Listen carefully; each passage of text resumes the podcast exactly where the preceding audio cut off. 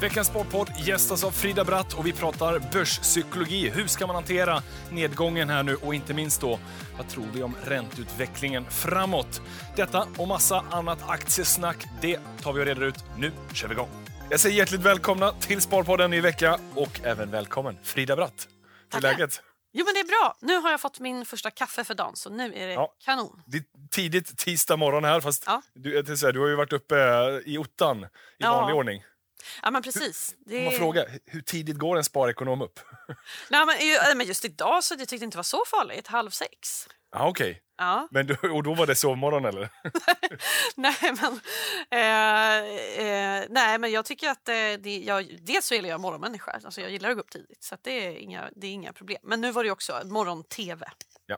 som jag skulle Nej, men det jag menar, du Ja. brukar ju vara med i Ja, ja mycket precis. Jo, jo, men, ja, men exakt. Nej, men det är väl ungefär den tiden man går upp. Ja, okej. Ja. Mm. Men då är ju, jag går ju nästan upp där också. Ja, jag vet. Så att jag sitter inte här och beklagar mig. Herregud. Nej, men det, Man- Jag får sagt, känslan annars att man behöver gå upp ganska tidigt. Men det är ju klart, det händer på ju vad att som du... händer och, och sådär. Men, men allt drar ju igång lite senare. Liksom, eh, just det. Ändå. Men, men eh, det är den tiden ungefär som jag brukar vara med när jag är med i morgon-tv. Ah, Så är det ungefär då. får man en liten inblick Ja, i eh, Frida Ja, Bratts ja. Härligt. Men du, eh, det du pratar väldigt mycket om på tv, det är ju eh, de här oroligheterna Ja, som verkligen. pågår. Eh, Ja. Ränterusningar, bostadsmarknad som ska falla, börs som är lite sur, Elpriser som skenar. elpriser. verkligen. Ja. Det, är, eh, ja, men det är deppigt. det, det är lite deppigt. ja, Men det är Nej, ändå men det är sommar det. på en gång så att man får väl glädja sig åt det. absolut. Nej, Men- men det, det, det är verkligen så svårt att hålla humöret uppe lite grann för man Ja. vet att det är så många som får det tufft nu. Ja. Det är verkligen så. att det, är, det, är, eh, det finns de vars bostad kommer att falla i värde så pass mycket att lånet är större än vad bostaden är värd. Ja. Tror jag. Och jag menar, det är ju supertufft. Alltså, det är verkligen en, en, Ja, den är eh, ingen rolig. den är inte rolig och det är verkligen eh, eh, ja, det är ett skifte Ja. som vi är i. Men, men bara som en parentes, bra att varna för det så att man kan börja förbereda sig Mm. i god tid innan. Men, men det där, på det temat då, det är ju människor som har köpt bostad de senaste åren. Eh, kanske tyvärr har behövt använda alldeles för Ja. mycket belåning. Mm. Där nu minsta prisnedgång gör att lånet faktiskt är större. Mm. Vad tror vi då? Finns det risk att banker och liknande kommer att börja kräva mer amorteringar? Ehm, Det är kanske för tidigt att se om, men det är klart. Ja, det tror jag. Nej, ehm, nej det, det, vet, det vet vi inte. Nej. Alltså, det är jättesvårt att säga. Eh, Ha, har man en tillräckligt god, eh, ett gott kassaflöde så är det ju inte en omöjlighet att, Nej. att hantera. nej, alltså, så här är det ju. Banken har ju testat att du kan betala en ränta på liksom 6-7 procent. Ja. Det ska du ju kunna göra. Liksom. Så att för den sakens skull, så att kunna betala sina räntor, det kommer ju många kunna göra. Eh, och jag menar, du har ju inte gått med en förlust förrän du måste sälja. Din Nej. bostad, trots allt ändå. Ja. Det kan man Eh, trösta sig med aktier också. Ja, det är så, så kan man tänka när det gäller aktier. kan man tänka det gäller mycket. Nej, men så, så än har det ju inte hänt. Liksom. Nej. Eh, och eh, Det som kommer att hända och det som vi redan ser är ju att man inte kommer att ha råd med väldigt mycket andra saker som man, inte kommer att ha, som, som man har haft råd med. Ja, Och det, menar, det har vi ju sett nu på vinstvarningar och, och så från e-handel. e-handels. Precis, det är ju liksom avmattande konsumtion man hänvisar till. Eh, och vi ser i olika ja, men, mätningar och index också att det, det börjar ju redan bli så att man håller i pengarna mycket mer. Och det finns ju den här gamla sägen att eh, en svensk liksom, in i det sista prioriterar sitt bolån. Att den är väldigt liksom, Mm. stark, att man betalar ner sina skulder och man ser till att betala sina räntor. Exakt. Så det blir på bekostnad man, av allt annat. ja, det, Precis så, det blir på bekostnad av allting annat. Men sen är det klart att det, det skapar en oro när det är så att eh, det finns massa låntagare där ute som Ja, det, det har inte varit så lätt att ta sig in på bostadsmarknaden och då har man kanske varit glad att man överhuvudtaget har fått ett lån och man har varit tvungen att belåna sig fullt då upp till 85 procent. Det var, och det var ju bara, det var ju väldigt nyligen man kom med ett förslag om att man skulle få belåna sig ännu mer. Jag tänkte precis på Ja. den tanken att det där galenskaperna har man väl lagt ner nu hoppas jag. Nej, men, ja, det, det ligger ju väldigt, väldigt, väldigt fel Ja. i tiden att föreslå ett så, det som heter startlån. Det ligger ju liksom inte alls rätt i tiden. Man gjorde det ju för att ja, men vi måste göra någonting. Vad ska vi göra då? Liksom, folk står utanför bostadsmarknaden. Men eh, eh, nej, det ligger ju fel i tiden Ja. just nu. Så, så är det ju. Och nu kanske det är så att, alltså, om man ska säga någonting positivt då, jag blev ombedd av en tidning att så här, finns det något bra i det här? Kan man hitta några ljuspunkter? Ja. Nej, men då tänker jag väl kanske då att de som inte har kunnat komma in på bostadsmarknaden kan ju få det lite lättare Ja. när vi ser den här vändningen. Men det är inte så stor tröst för alla som redan är inne då. Nej, en annan jättestor ljusglimt. Det här är, man ser ju inte det så nu, men aktier är ju lite billigare. Ja, så, det är ju samma mekanism sparar- där också. Ja, den som sparar Ja. långsiktigt gör nog väldigt fina köp just Ja, nu. men så är det verkligen. Och så, så det är de, de som köpte här nu på toppen Ja. liksom, och var ganska nya och hade stora förväntningar på hög avkastning. Och, alltså det är de som behöver vara oroliga, men då har man lite, lite kassa och kan vara långsiktig och sådär. Då är det ju ett bra läge nu. Ja. Jag menar, du gör ju inga bra affärer när det står på topp. Liksom. Nej, Oftast inte. nej, och det blev många varse om. Ja. Men eh, och sen, nu är vi ner då 20 procent ungefär. Mm. Och de här lägena som uppstår nu, de kommer ju vara fantastiska, men det är först kanske om ett, i bästa fall halvår, i värsta fall två år. Eh, Ja, i värsta fall. Alltså, vi vet ju Nej, inte, hur, vet länge inte. Det här, hur, hur länge det här läget på räntemarknaden framförallt Ja. råder. Alltså, Tina, Tina har ju dött. ja, alternativen Nej. börjar nu dyka upp. Ja, det är ju så. Och så länge de gör det, ja, men Ja. då kommer ju kapital flyttas från aktiemarknaden till räntemarknaden. Ja. Eh, för att man får en avkastning till eh, lägre risk där också. Då. Just det. Men sen tänkte jag på en annan sak också, att det är så att börsen har gått ner så kraftigt. Alltså vi har ju också blivit mer... Vi är ju mer exponerade mot tillväxt och tech Ja. nu. Och det är den typen av bolag som mår allra sämst i det här. Alltså vi är mer tiltade mot den typen av bolag i vår exponering. Alltså indexen innehåller en större sån andel bolag för att vi har haft just den det, ja. utvecklingen vi har haft Ja, inom ja. de här sektorerna. Så att det gör ju också sitt, att det är ju liksom en större tyngd mot den typen av bolag som mår som allra sämst. Ja. Vilket Ja, gör att index drar ner. Så att, Ja. ja. Det, det är ju framförallt påtagligt i USA, där det verkligen har blivit... Absolut, där, det är ju absolut så. Det är kanske där framförallt det gäller. Men även i Sverige har vi Ja. ändå fått lite mer, att det är lite mer, det är inte bara bank och verkstad i Sverige, även om vi säger det ofta, liksom, att det är Nej. bank och verkstadstungt, så har vi ju ändå stora bolag här också. Som, Ja, och det, och det märker man ju om man, om man kollar OMXS30, vilket inte är lika Nej. tungt mot tech som ett, säg, ett SP500 eller Mm, någonting mm. sånt. Eh, där har inte det tappats lika Nej, mycket. precis. Den precis ju, så. Mm. den, det, det smala indexet är ju ner 15 procent kanske. Eller något sånt. Och det är ju för att det, där är, har vi ju verk, Ja. alla verkstadsbolag och bankerna och sådär. Ja, så att, ja. eh, Men kollar man så. så här midcap-listan eller midcap-index Mm. så är ju den Mm. nästan som tyngst. Ja. För det är där många av de här nya techbolagen på Exakt. börsen har bubblat upp. Exakt. Så Eh, att det, där är det så här, ja. intressant också. Har man haft en vanlig Sverigefond i sitt fondsparande så har ju de gått väldigt olika beroende på vilket index de följer också. Det är sant. Mm. Och det ger ju en liten påminnelse Mm. här nu. Ja, för i goda tider, bara någonting stiger så är man rätt nöjd Mm. och man kollar inte så mycket på avgifter eller vad man får. Men det är ju här nu då när tidsvattnet har runnit bort som Ja. man märker att det är skillnad Det är på skillnad. index och index. Verkligen. Och det, det påminner man ju ofta om att titta vilket index som din fond Ja. följer om det är en indexfond. Men eh, som sagt, det är verkligen så när det har varit en period av att man har kastat pengar på vad som helst och allt har stigit ändå. Så det, eh, då, då är det inte det där. Man är noga med det där. Nu kommer det ju säkert komma, tror jag, apropå om vi blickar framåt då, så kommer det ju säkert vara så, tänker jag, att vi fortsatt kommer att få det här lite mer, man brukar säga liksom stockpicking-läge. Liksom. Ja. Och det låter så himla klyschigt, tycker jag. För det, man säger alltid det och alla aktiva fondförvaltare säger alltid att det är det. Varför säger de det? Ja, för att De själva är stockpickers. de själva är stockpickers. Men jag tror verkligen att det kan vara så att vi kan få lite mer eh, fragmenterad aktiemarknad. Det, det, det tror jag ju också. Mm. Att eh, Om man nu bara har ett månadssparande i fonder, att även där, alltså Mm. olika fonder har olika jämförelseindex. Ja. Eh, har varit olika duktiga. Alltså fastighetsfonder, det kan skilja sig 10-15 procent i hur mycket de har gått ner. Mm. Olika. Småbolagsfonder även där. Några har presterat bättre än andra. Mm. Eh, och har man nu en aktieportfölj då, så även där märker vi att det är rätt stor skillnad Mm. på Mm. nedgången här och var. Ja, men det är det verkligen. Så, men, men en fråga som jag ibland ställer mig lite så här nu då är ju vilken typ av strategi man ska ha om man ska ändra lite. För ett sätt om man nu då eh, vill bli lite mer diversifierad, en fördel med det där är ju att du kanske kan snubbla över lite mer återhämtning. Mm. Eh, den som har varit diversifierad har ju märkt att ah, det hjälpte inte så mycket för allting föll. Nu. Mm. Ja, ja, ja, visst. Ja, men så har det varit nu. Ja. Ja. ja. Men när återhämtningen kommer sen, Mm. det kommer att ta olika lång tid på, i olika sektorer. Mm. Så du menar, då kanske man ska lägga sig i det här lite bredare? Kanske eller? lite Ja, bredare. Ja, Kan, Kanske lite bredare än vad man har varit Ja. Mm. historiskt. Bara för att så här, se till att säkra upp att man är lite exponerad. Bara med när det, när det händer. Någon gång kommer ju, tror ju vi, att den här, det kommer ju vända någon gång. Ja. Men sen är det ju, och det där som är så svårt helt enkelt, det är ju verkligen, ni har pratat mycket börspsykologi i den här podden vet jag.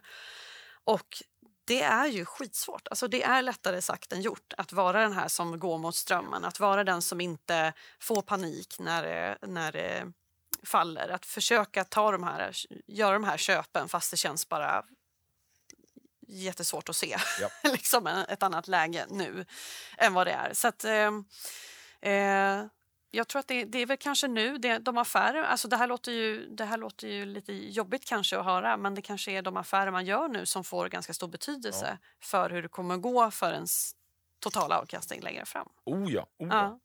Och det finns all anledning nu att eh, börja klura lite. Bara ta en sån här strategi som utdelning. Typ ingen som pratar om det längre. Eh, Tråkigt, synd.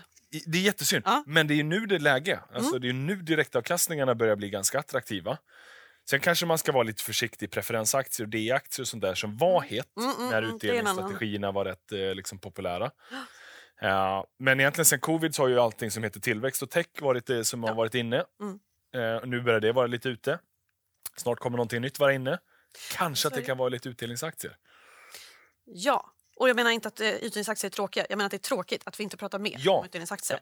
Eh, jag, det borde man verkligen göra, för att det här är ju som en liten krockkudde ändå. Eh, och det här lirar ju med det här att börsen nu verkligen sedan ganska lång tid tillbaka premierar stabilitet och, och vinst här och nu och, och, och sådär. Och då ligger ju utdelningsaktier helt rätt Ja. i tiden. Sen tror jag en annan sektor också som kanske skulle kunna vara den som gynnas lite grann i det här. Eh, vi ska komma tillbaka till utdelningsaktier. Men, men eh, förnyelsebara, Ja, förnyelsebar energi Ja. skulle ju kunna få en liten liten Ja. revival i det här också för att det är någonting som stora eh, eller någonting som regeringar kommer att lägga pengar på nu så är det ju öka Allt- oberoendet av gas, olja Ja. och sådär. Och även där, likt tech, så har ju förnyelsebara aktier tagit ganska mycket stryk. Ja. Eh, så det, det är klart, där finns det också en revival. Jag tror att där ska man vara lite selektiv och fundera på vart det, Verkligen. vart är riktiga kassaflöden och vad Ja, är Precis det jag skulle komma en, till. en förhoppning. Mm, för där är det ganska svårt att navigera. Alltså det finns ju ganska sektorn är ju till sin natur består ju mycket av förhoppningsbolag. Eh, för att, men det, kan, det är ju företag som har utvecklat produkter som kanske inte ens finns på Nej. marknaden än och man vet inte om de blir standard eller sådär. Så det är ju tillväxtbolag till stor del. Ja. Kanske passar bra för en fondförvaltare om man själv tycker att det är Ja. rätt svårt att navigera Ja. i den här sektorn. Ja. Skulle kunna vara. Eller en, när jag själv har kikat lite på dem, det, man, det jag i alla fall lockas av det är ju de här som har mycket eh, liksom service. Alltså att de har installerat installerar solceller, Mm. Installerar Mm. energiförsörjningen och sen har väldigt mycket service. Där, där kan man ju, det är ju en modell som vi vet funkar i alla andra Ja. sektorer och Ja. branscher. Absolut. Ja, så får man exponering mot den förnyelsebara energin, men det är nog förmodligen en affärsmodell som är ganska Mm. Som är etablerad och som... Ja, ja men precis. Helt rätt. Så, så man kan ju hitta den typen Mm. av, av bolag, men att få den här exponeringen mot förnyelsebar. Exakt. Ba, bara som ett tips. Precis. Och det var en avstickare från Det var aktier. sidospår. Ja, lite sidospår. Det, det får det vara i en Ja, podd. Eh, men utdelningsaktier. Mm. Eh, jag vet inte vad jag, vad jag ville ha sagt så mycket mer, men, me- mer än att det bara, nu är det direktavkastningar som är lite högre. Mm. Eh, bara för att det har gått ner. Precis, det blir ju så att eh, utdelningen blir större i förhållande till aktiens pris Ja. när kursen faller. Ja. Sen är det ju klart så att en del bolag kommer att få det tufft att dela ut nästa år. Alltså, eh, när lönsamheten viker, konjunkturen blir lite svagare. Så det kanske är en del bolag som inte kan höja, som har annars höjt, eller till och med i värsta fall behöver sänka utdelningen. Men då är det bra att titta på så historiken kanske kring de här. Alltså hur har man agerat tidigare då, eh, under åren? Och det är väl därför man gillar de här då som, som har en bra utdelningshistorik också. Och nu kan det ju vara värt att kika hela vägen tillbaka till finanskris. Mm. Alltså så här, hur tog man sig igenom den här konjunktursvackan? Precis. Säg inte att det ska bli en finanskris den här gången, Nej. men det här är allt, allt annat lika en lite mer systematisk, liksom, långtdragen nedgång än säg, covid som Ja, det här är ju Snabb en krasch. helt annan typ Ja. av, av nedgång, verkligen. Så det här är, det är ett skifte i liksom, investeringsvärlden som vi har känt den under några Ja. år. Det vill säga, vi har stigande räntor. Det är ju egentligen det Ja. som är det stora skiftet. Och de räntorna kommer ju att vara lite lätt stigande här nu över en Mm. längre period. Mm. Så kanske de pikar lite här ett tag och sen Ja, men precis. Jag tror att de är igen lite, så här framtunga. Man höjer Ja. ganska mycket nu då, liksom, eh, på kort sikt. Och sen kanske det inte blir så där väldigt eh, höga räntor ur ett historiskt perspektiv. Men att det är just den här rörelsen uppåt som ju blir väldigt eh, jobbig för marknaden. På tal om börskrascher, jag gjorde faktiskt eh, här bara i veckan, eh, satt och kikade lite på historiska börskrascher, Mm. se om man kan lära sig någonting. Det. Det är, det är ju naivt att tro att man ska lista ut hur lång den här nedgången kommer vara, givet hur det har varit historiskt. Men du gjorde Nej. det ändå? Jag gjorde det ändå, bara för skojs skull. Jag gillar att, att eh, ratta runt i datan, men eh, man kan ändå lära sig någonting, Mm. tror jag, av att studera historien. Framförallt att man kan komma till insikten att det finns lite olika typer av humör på börsen. Eh, om, om man liksom, de många sparare minns tillbaka covid-kraschen, för den är så nära i minnet. Den var ju vad vi kallar liksom en panikartad krasch. Det gick väldigt snabbt ner. Eh, alla blev liksom eh, häpna och sen så studsade det upp ganska kraftigt. Precis. Och det, det som skiljer den också mot andra, eh, bara ett inspel, det är ju så här, det är inget, det är inget så här, det var inget problem med den finansiella stabiliteten, alltså om vi jämför med finanskrisen, det fanns liksom inget eh, systemfel Nej, liksom, eh, som orsakade utan det var liksom bara en impuls helt utifrån covid. Sen klart, man underhöll tanken av att så här, Åh, folk måste sitta hemma eller vi kanske dör som flugor och, och det kan ju liksom hämma konjunkturen. Men det är ju det här som är en, en panik. Ja. Det händer ju inte Nej. i den utsträckningen. Ja, och inte så förvånande har vi haft såna här panikkrascher förut. Mm. Den eh, som är nästan närmast är liksom identisk var svarta måndagen 87. Mm. Då var det liknande eh, under där oktober. Föll börsen kraftigt, Mm. närmare 40 procent under en så här 30 dagars period och sen så studsade det tillbaka. Ja. Det var även under eh, Asien-Ryssland-kraschen 98. Det var även då det här long term capital management, den prestigefonden, gick i putten. Mm. Och det blev liksom panikartat. Föll 40 procent under en sådär en, två månader. Sen studsade det tillbaka och så fick vi ju det här sista rallyt 99 år Mm. Just det. 2000. Innan det brakade Ja, igen. Ja. innan det brakade igen. Mm, Och då blev det ju lite mer än långvarig. Mm. Ja, alltså det här är ju så här impulskrascher som har varat ungefär en till två månader Mm. och sen följts av ganska kraftiga studs. Ja. Sen har vi de här långdragna, eh, där då kanske IT-bubblan är den tydligaste. Mm. Den varade i börsdagar mått mätt 750 dagar. Från topp 2000 till botten 2003. Mm. Så då kunde man ju räkna ut att 750 börsdagar är ungefär tre kalenderår. Mm. Eh, det är en ganska långt Mm, det det. utdragen nedgång. Jobbigt. Jobbigt, Ja. eh, milt sagt. Ja. Sen ska man även ha med sig att i alla såna här nedgångar så kommer det liksom reboundsperioder. Så det har ju varit perioder där börsen har studsat 20% upp.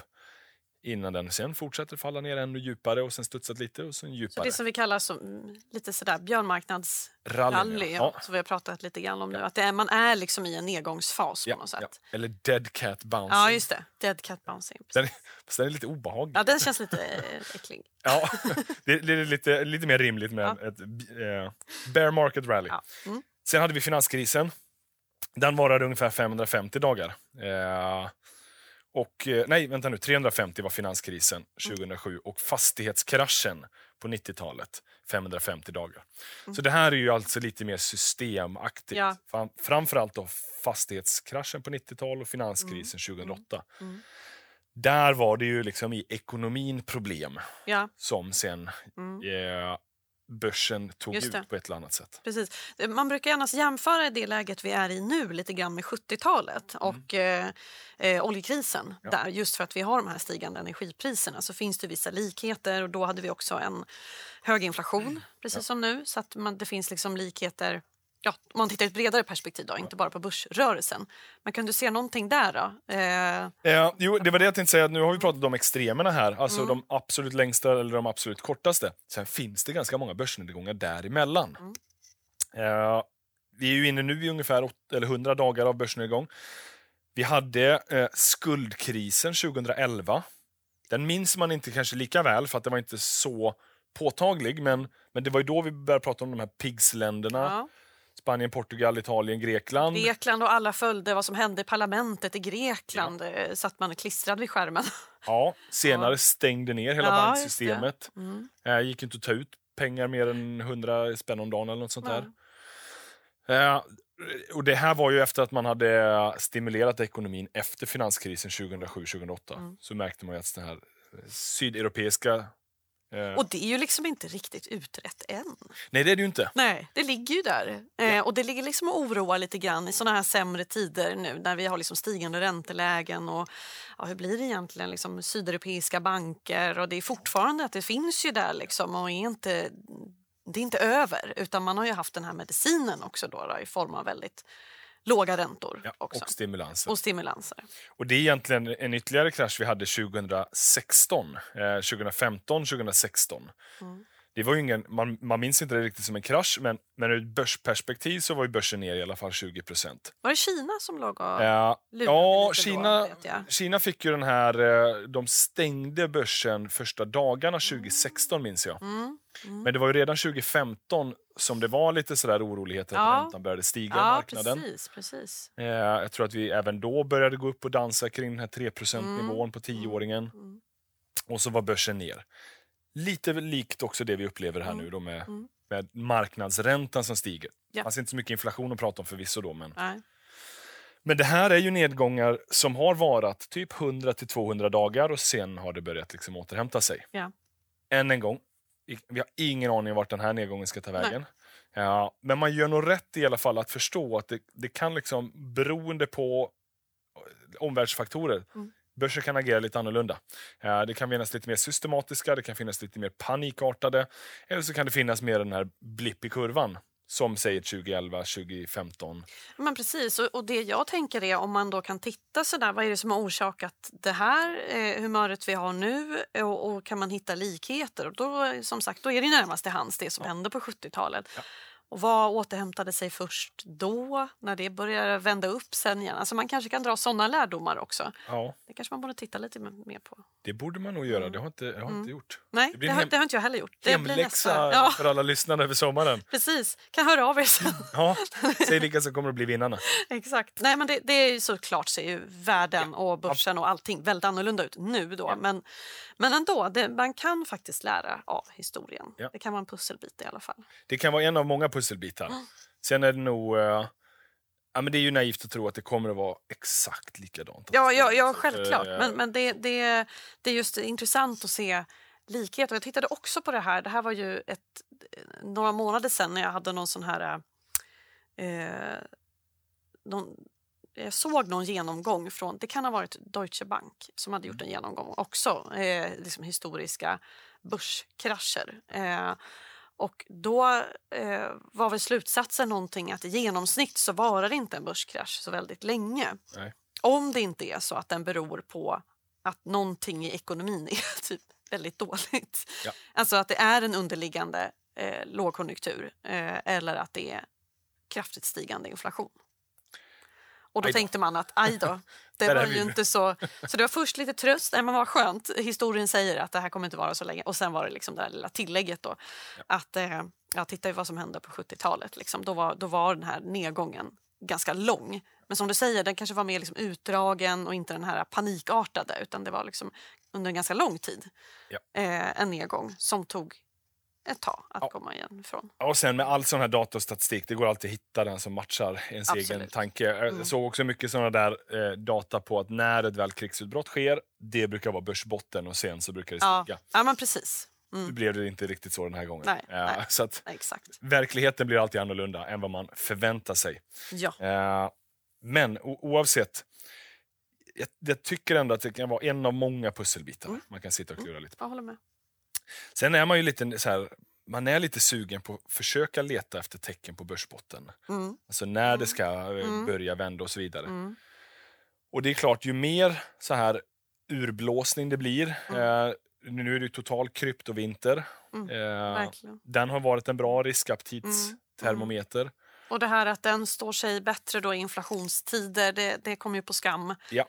Den här gången. Men det beror ju också på att vi har den här eh, riskaptitskorrelationen kan man säga mellan aktiemarknaden och krypto. Alltså att vi, dels så har de ju gift sig lite mer med varandra för att det är liksom kryptobolag noterade på börsen och på börsen finns det eh, instrument som har krypto som underliggande. Alltså det finns verkligen, eh, de är sammanlänkade men sen också att det är den, för kryptomarknaden så krävs det att det finns en riskaptit. Ja. Och det är samma för aktiemarknaden så att de tenderar ju verkligen att röra sig. Ja. Det här vi pratar om sällanköpsvaror som Mm. eh, nu tar stryk. Man kan ju argumentera för att köpa lite aktier och köpa lite krypto typ också är en sällanköpsvara Ja, ja för en del. Mm, mm, Och det behöver man dra in på nu när det blir Mm. lite oroligare tider. ja. Eh, sen, man kommer aldrig lyckas träffa den där botten.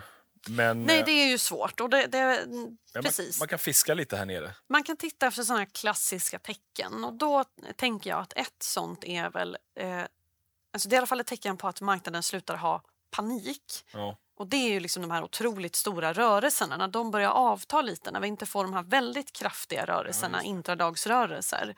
Ja, men då kanske det är tecken på, ett tecken på att det börjar stabiliseras och kanske att man är på väg att börja byta fil lite grann, eller byta riktning åtminstone. Ja.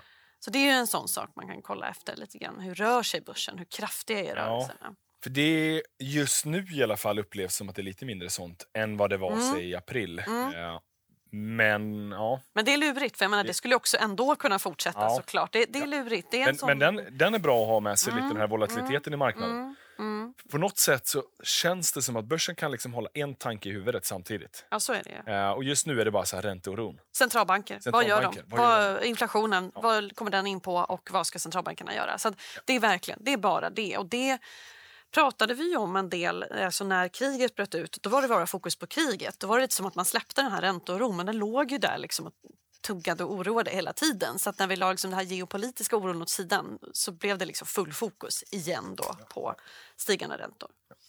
Ja.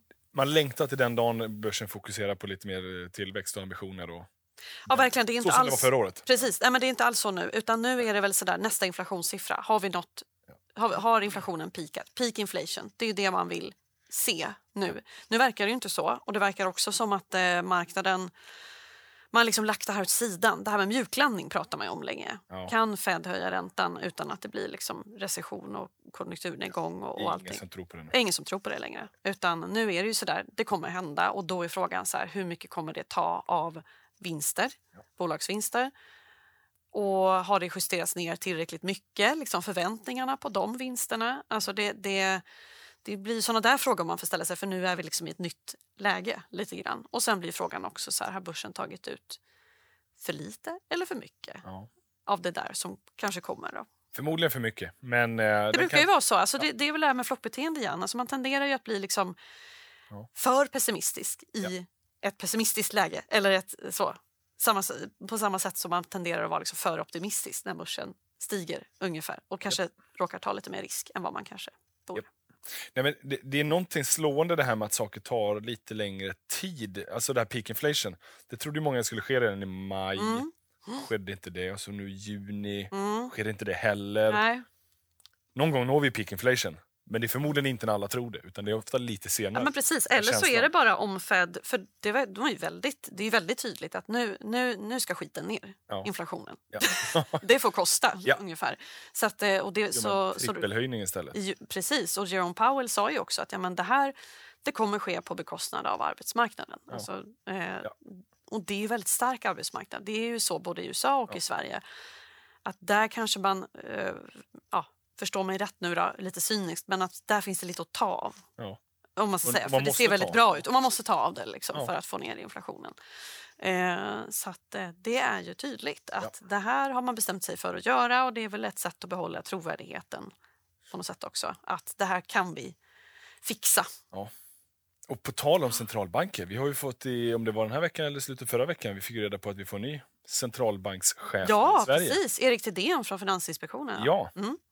Det blir lite intressant. Han har ju jobbat med eh, finanspolitik. Nej, Nej, det blir det väl Nej, men, men finansiell stabilitet Finansiell i alla fall. stabilitet. Och, och väldigt mycket fokus på skuldsättning och, och stabilitetsrisker och sådär. Så det får en spontant att tänka så här, oh, det låter hökigt. Ja, ja. Som att han blir en hök då. Men å andra sidan har jag funderat lite på det där och tänkt att ja, men fast det har ju varit hans uppdrag. Ja. Som generaldirektör för Finansinspektionen att ha det fokuset. Därför att Finansinspektionen har ju ansvar för den finansiella stabiliteten. Man tog ju över det liksom från eh, Riksbanken så att Ingves helt kunde fokusera på att ha minusränta och nollränta.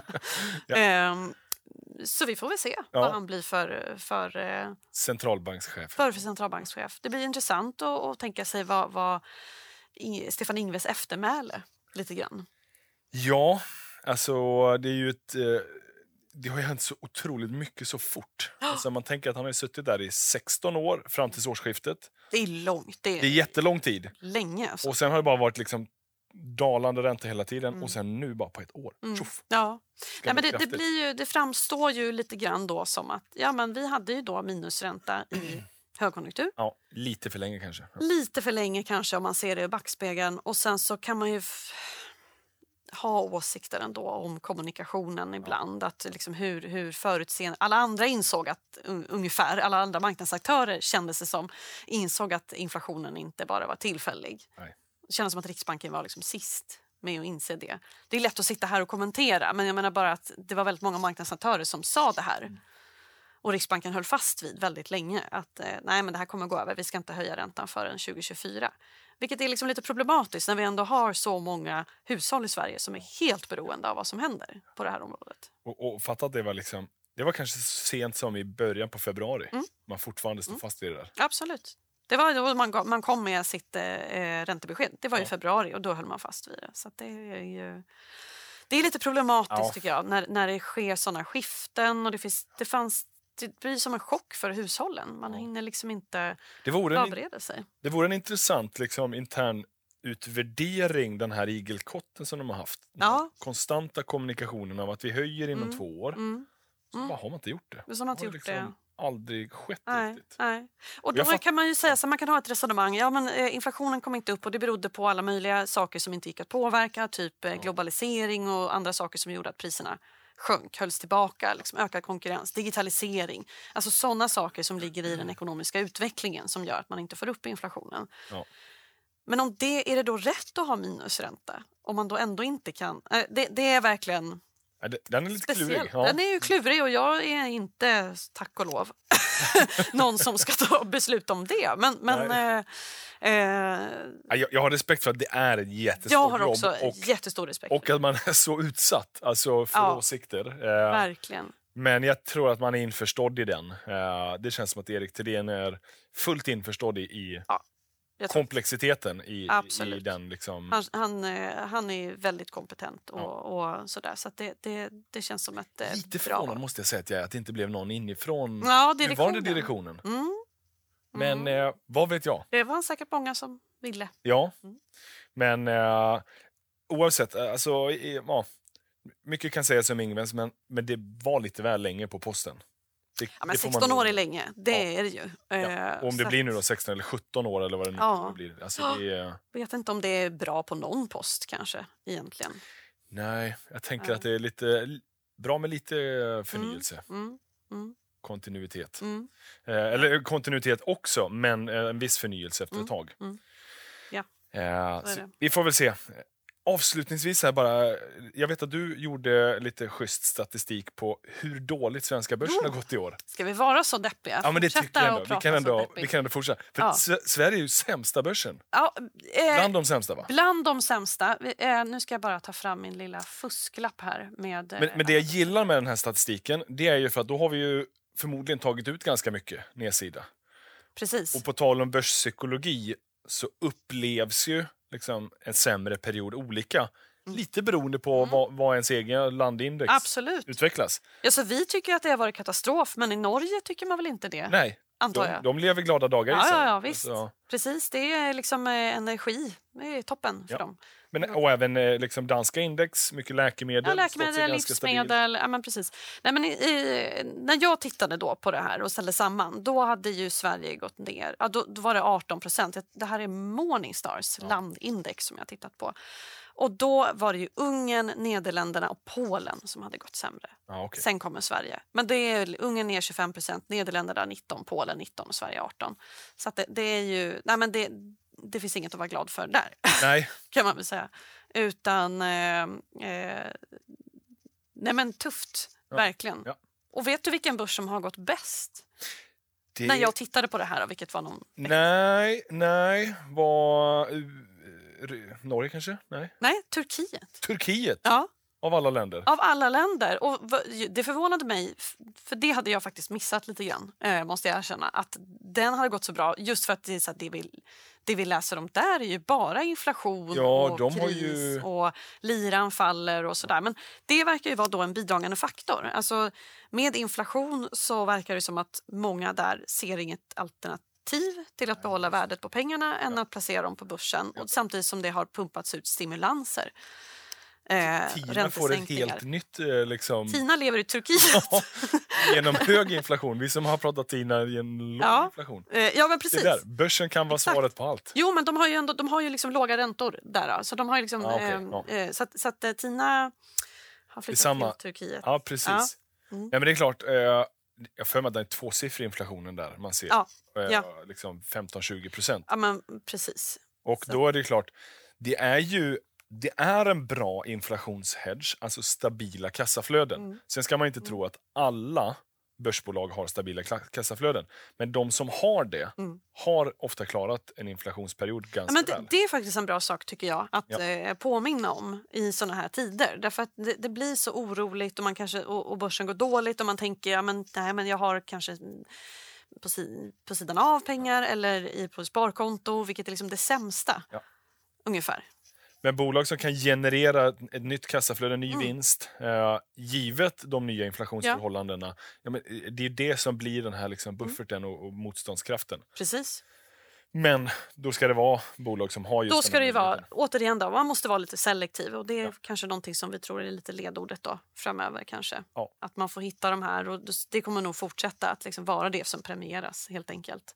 Det här stabila, Ja. stabila kassaflöden. Eh, osäkerheter som liksom vinst långt fram, det kanske kommer dröja Ja. innan, sånt, innan det kastas pengar efter den typen av bolag igen. Ja, Mm. det kommer det nog göra. Nej, men man, man eh, får bara konstatera att börsen är ner.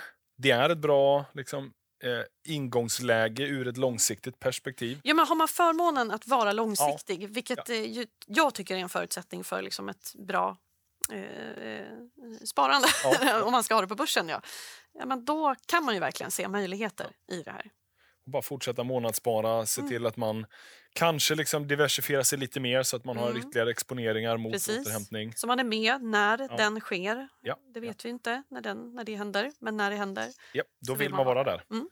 Nej, så det, det finns eh, liksom anledning att ändå vara lite optimist när man blickar utåt i Mm. tiden. Eh, Mm. Ja, man får blicka långt fram. Det är jäkligt jobbigt nu Ja. att logga in och titta Ja, på sina det. grejer. Det är det. För Men, alla. Mm. Så är det. Mm. Bara som liten snabb avslutningsvis, då, nu har vi varit så pe- pessimistiska här, men lite positiva nyheter. Vi, vi har släppt lite nya verktyg och grejer på Nordnet. Eh, här i veckan bara har vi släppt eh, Nordnet One. Och på tal om fondsparande och månadssparande, där finns det då liksom ett verktyg där man kan få lite mer bredare diversifiering i en enda, liksom, i ett sparande. Mm. Och sen släppte vi Londonbörsen bara för eh, några veckor sedan. Mm. Så det, det, är liksom, det händer en del Händer roligt saker. också. Så det Eh, fortsätter hända roliga saker. Ja, Ja. det gör det. Men eh, Och saker som underlättar, vilket jag tycker är bra då. Om man är, liksom, vill är få exponering men inte vet riktigt hur man ska göra. Exakt, Då är det faktiskt... Eh, då är det här bra verktyg. Sen eh, kan inte vi på Nordnet eh, vi kan inte liksom skruva bort börsnedgången och så vidare. Nej. Utan man får bara leva med att det är lite skakigare tider på börsen. Mm. Men eh, den som långsiktig är och har lite tålamod Mm. brukar få lite avkastning där. ja, man ser den först i backspegeln. Japp. det är ju så. Så är det. Men eh, Frida, stort tack för att du kom hit till Sparpodden och bjöd på massa klokheter, som alltid. Ja, men tack själv. Alltid trevligt att vara här. Ja, men du, det är det. Och till er eh, lyssnare, ni vet att vi ses och hörs igen nästa vecka. Ciao, ciao! Hej då!